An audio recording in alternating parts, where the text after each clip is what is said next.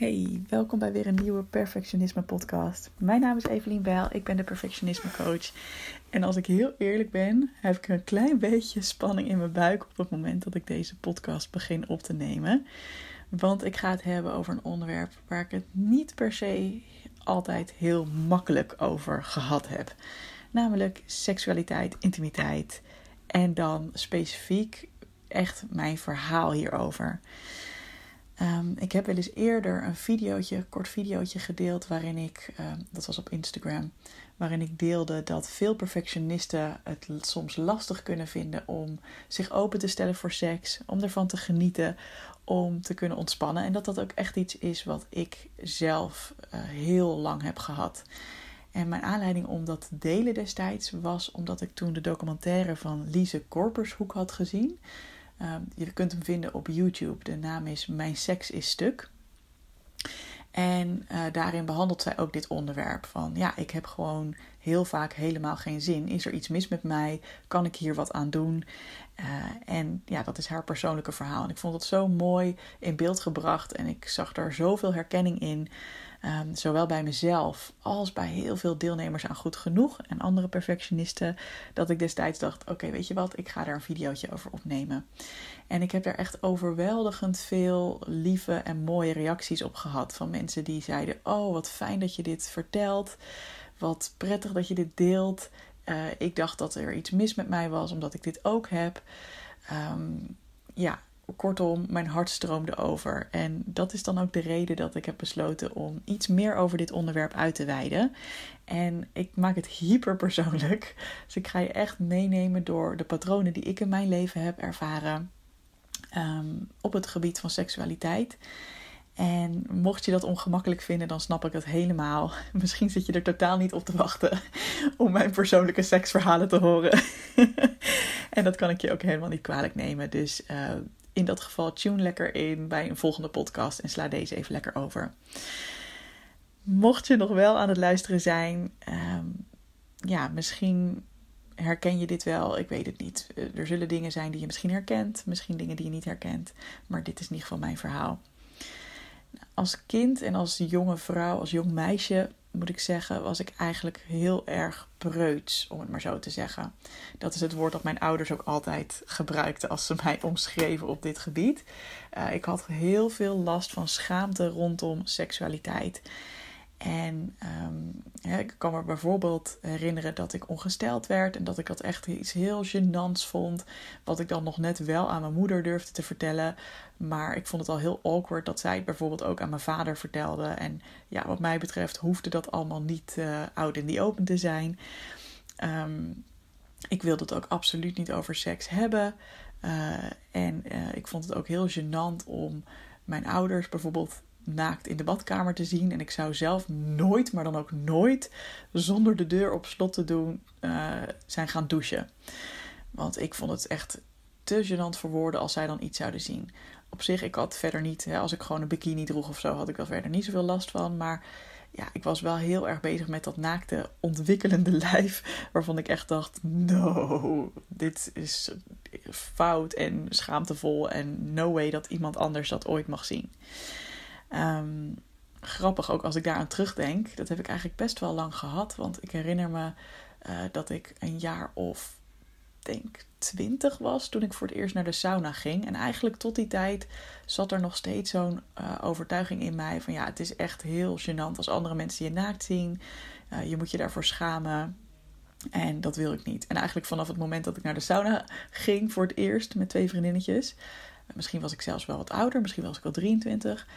Um, toen pas dacht ik, oh ja, wat is hier ook eigenlijk zo erg aan of zo gek aan? Dus dat was eigenlijk wel een hele bevrijdende ervaring. Maar nog even terug naar mijn uh, tienerjaren en uh, ja, zeg maar mijn jeugd. Uh, ik herinner me ook dat ik op zich het onderwerp seks best wel interessant vond. Want er stond bijvoorbeeld een boekje in de kast uh, van mijn ouders, dat ook bedoeld was als seksuele voorlichting. En nou, dat vond ik eigenlijk best wel interessant. Dus dat zat ik dan wel stiekem te lezen. Um, en als er een film op tv kwam waarin een seksscène zat, dan vond ik dat zeker wel interessant. Alleen als dan mijn ouders ook in de kamer waren, hè, we zaten met z'n allen die film te kijken, of mijn broertje, dan vond ik het super gênant. Dan hoopte ik maar dat ze niet aan me zouden kunnen zien dat ik het er een beetje warm van kreeg. Uh, en voor mijn gevoel ging ik dan alleen maar heel heftig blozen en kon ik echt niet wachten totdat die scène weer voorbij was. Uh, ja, want ik kon wel door de grond zakken van schaamte bij het idee dat andere mensen door zouden hebben dat ik het misschien opwindend zou vinden. Nou, toen ik 17 jaar was, woonden we met mijn ouders en mijn broertje in Suriname. Uh, dat was van mijn 15e tot mijn 18e. Um, hebben we daar gewoond. Het was voor het werk van mijn vader. En ik heb daar zelf 4, 5 en 6 VWO afgemaakt. Um, en mijn eerste vriendje heb ik daar dus ontmoet. Is daar dus uh, op mijn pad gekomen. En dat was mijn eerste echte relatie. Um, en ik vond het allemaal super spannend. En nou ja, uiteindelijk uh, is dat dus ook degene geweest aan wie ik mijn maagdelijkheid heb verloren. oh jongens, vinden jullie het al awkward? Ik wel, maar ik ga gewoon lekker door. um, en ik herinner me dat ik het eigenlijk allemaal best wel heel leuk vond en spannend. Maar dat ik ook toen best wel bezig was met: oh jeetje, als er maar niemand doorheeft uh, dat dit gebeurt. Wel met vriendinnen deelde ik dit hoor trouwens. Maar ik was wel heel erg bezig om ook te voorkomen dat mijn ouders het door zouden hebben en zo.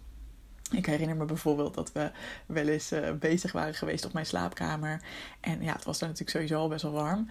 Um, en dat mijn ouders ons dan riepen voor het eten. En dat ik dacht, no, ik kan nu echt niet met zo'n rood bezweet hoofd aan tafel komen. um, en dat ik dan echt de airconditioning op 16 graden en maximale snelheid uh, zette. Maximale ventilatiekracht zette. En daar dan met mijn hoofd voor ging hangen in de hoop dat ik een beetje zou afkoelen voordat we aan tafel kwamen.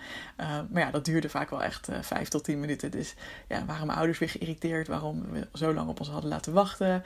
En dan trokken wij bewust een uh, chagrijnig hoofd. Van ja, we hadden ruzie en daarom duurde het wat langer. Echt, ik had dus liever dat mijn ouders dachten dat ik ruzie had gehad dan dat ik seks had gehad.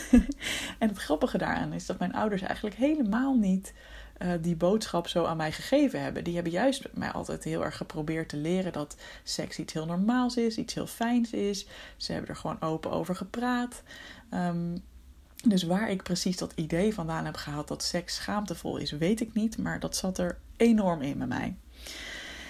Nou, dit was dus mijn eerste vriendje op mijn zeventiende. En eigenlijk bij deze relatie en bij al mijn volgende relaties heb ik een bepaald patroon uh, kunnen herkennen bij mezelf. Um, wanneer ik net aan een relatie begon, dan vond ik het allemaal heel spannend en opwindend. En dan hoefde iemand bij wijze van spreken mijn knie maar aan te raken. En dan dacht ik, oh, oeh, dat is leuk. Um, dus dan was mijn libido best, uh, best hoog en best oké. Ik denk ook dat dat uh, naast dat het gewoon, denk ik, heel natuurlijk en normaal is, dat het voor mij ook wel iets was van, oh, diegene wil mij. En dat is ook wel een vorm van bevestiging. En ja, er is natuurlijk ook gewoon heel veel aantrekkingskracht, omdat je die ander nog niet zo goed kent. Het is dus allemaal heel spannend. Maar dan uiteindelijk, meestal begon het na een maand of drie op zijn vroegst en na een maand of zes zeker, begon dat verlangen en dat libido enorm af te zwakken. Uh, zelfs zo ver dat het vaak een beetje onder het vriespunt uitkwam voor mijn gevoel.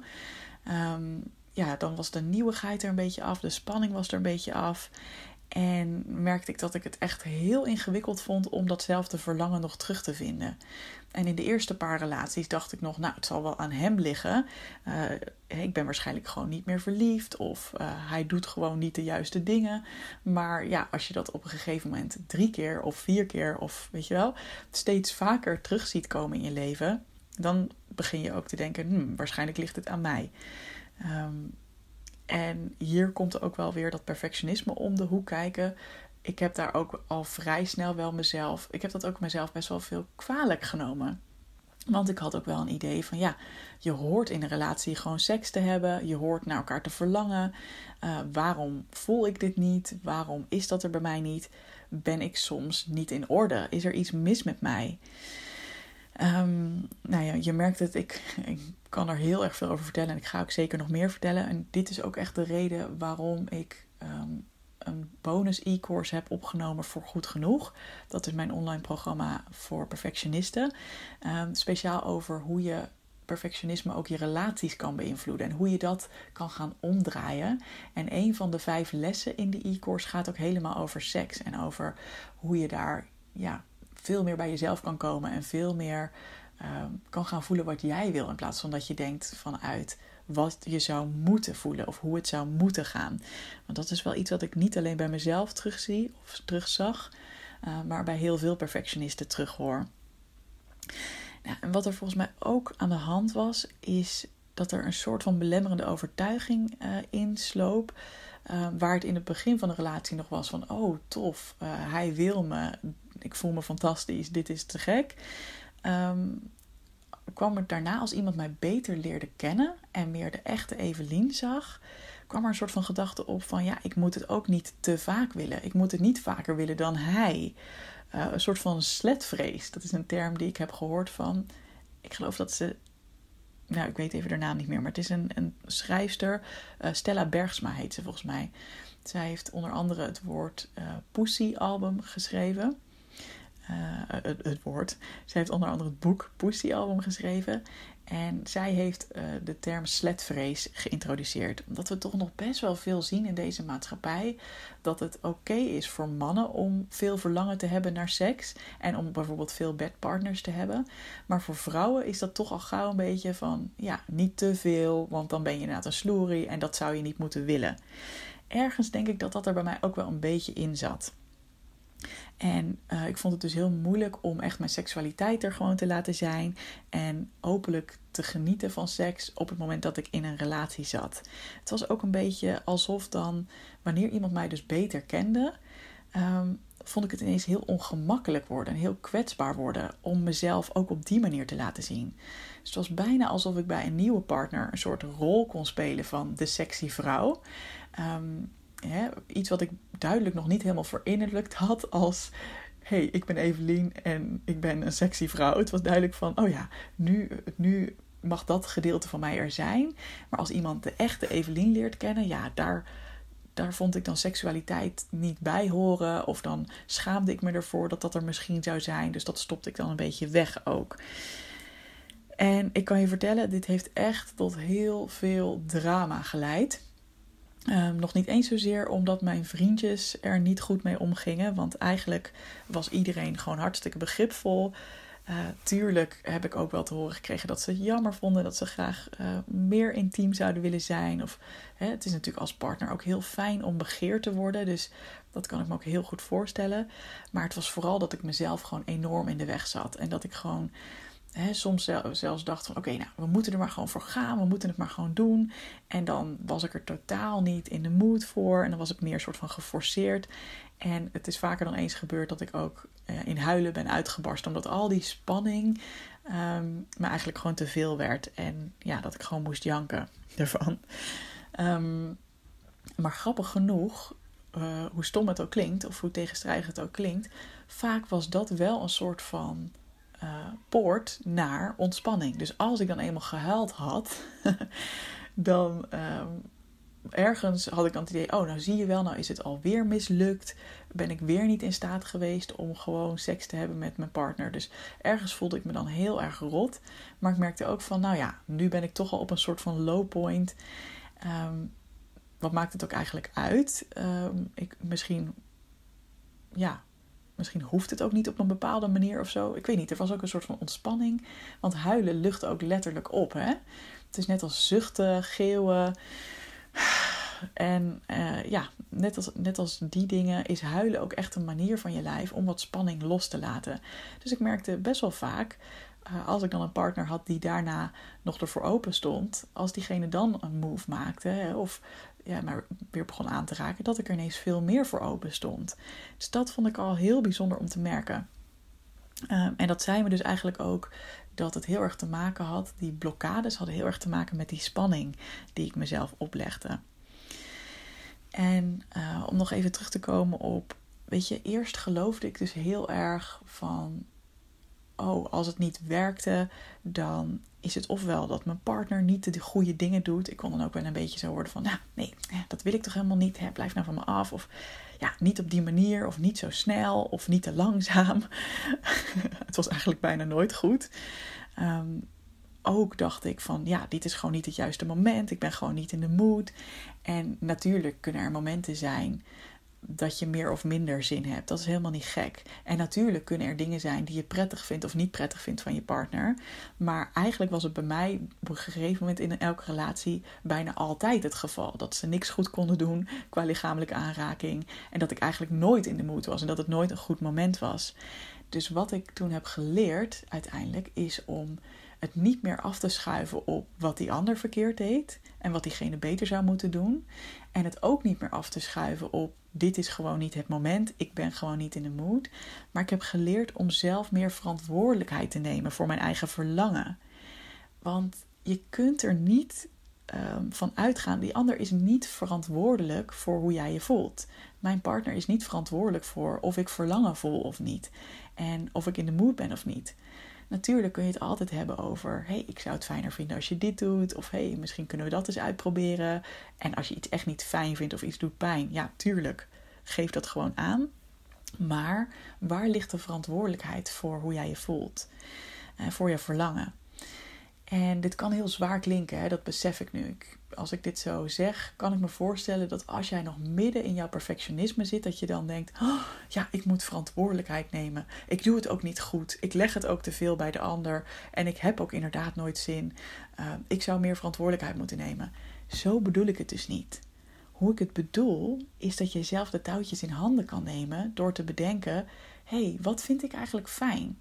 En dan nog even los van wat vind ik fijn in de slaapkamer?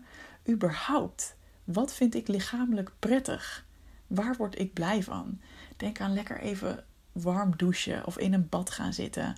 Denk aan ehm, fijne, zachte stoffen op je huid. Denk aan iets heel lekkers eten of juist iets lekkers drinken. Weet je, wat is lichamelijk voor jou weldaad? Begin alleen al door verantwoordelijkheid te nemen naar jezelf door jezelf dat te gunnen. Want zo vaak zie ik dat perfectionisten een soort wandelende hoofden zijn. en ik steek mijn hand hier ook absoluut op, want dat was ik enorm. En we zijn zo bezig met alles wat we allemaal kunnen en moeten en uh, bedenken, dat we er niet eens aan toekomen om te voelen: hey, hoe voel ik me eigenlijk in mijn lijf vandaag? Wat zou mijn lijf vandaag fijn vinden? Dus dat is wat ik bedoel met verantwoordelijkheid nemen. Dus ik bedoel niet, jij doet nu iets verkeerd in jouw relatie en jij moet nu verantwoordelijkheid nemen, want anders ben je een slechte partner. Nee, ik bedoel, hoe kun je jezelf uitnodigen om te gaan genieten en om zelf jouw verlangen op te gaan zoeken? En als ik dan ook kijk van hoe het er nu voor staat, ja, het gaat echt een stuk beter doordat ik deze stap heb gezet. En dat is heus, betekent heus niet dat ik altijd alleen maar zin heb in seks. Maar het verlangen in mijzelf is wel teruggekomen. Waar ik dat echt jarenlang bijna niet heb kunnen voelen. Voel ik gewoon sinds ik dit doe, en dat is alweer een aantal jaar, uh, af en toe uit mezelf dat verlangen opborrelen. Ook omdat ik het niet meer wegstop. Het is niet meer iets waarvan ik denk: oh, dat mag er niet zijn. Nee, als ik dat verlangen voel, dan omarm ik het. Sterker nog, ik stel mezelf ook vaker de vraag van... hé, hey, wat vind ik eigenlijk sexy? Wat vind ik opwindend? Wanneer voel ik me sexy? Nou, ik noemde net al even lekker douchen kan een voorbeeld zijn. Iets moois aantrekken. Uh, een sexy boek lezen. Schone lakens op je bed. Weet je, wat is hetgene waar jij je sexy door voelt? Of waardoor jij verlangen krijgt? Dat is wat er gewoon mag zijn. En je mag dat verlangen gewoon volgen en kijken wat er gebeurt. Zonder dat is ook een hele belangrijke. Zonder dat het meteen ergens toe moet leiden. Of dat het meteen tot een uitkomst moet leiden van. En dan moeten we dus seks hebben. En dat moet er zo en zo uitzien. En dat moet zo en zo lang duren. En als het niet uh, eindigt in een orgasme voor ons allebei, is het mislukt. Nee, weet je, laat die regels wat meer los. Laat het plaatje van hoe het zou moeten zijn los. En ga veel meer volgen wat lekker voelt voor jouw lijf. Zie het eigenlijk als één grote ontdekkingstocht dat is wat ik jou ook enorm gun. Nou, ik ben heel benieuwd of je iets van dit thema herkent en of er ehm, iets in zat waarvan je dacht: oh, dat is een eye-opener voor me, daar heb ik wat aan. Ik zou het te gek vinden als je me dat laat weten. Bijvoorbeeld op Instagram onder mijn post die hierover gaat. Maar je mag me natuurlijk ook gewoon een persoonlijk berichtje sturen. ehm, als je het spannend vindt om dit in het openbaar te delen. Dat begrijp ik heel erg goed.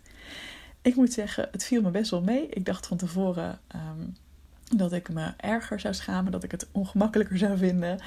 Uh, ja, op een paar momenten vond ik het wel, maar ja, volgens mij is het nog een best decent verhaal gebleven.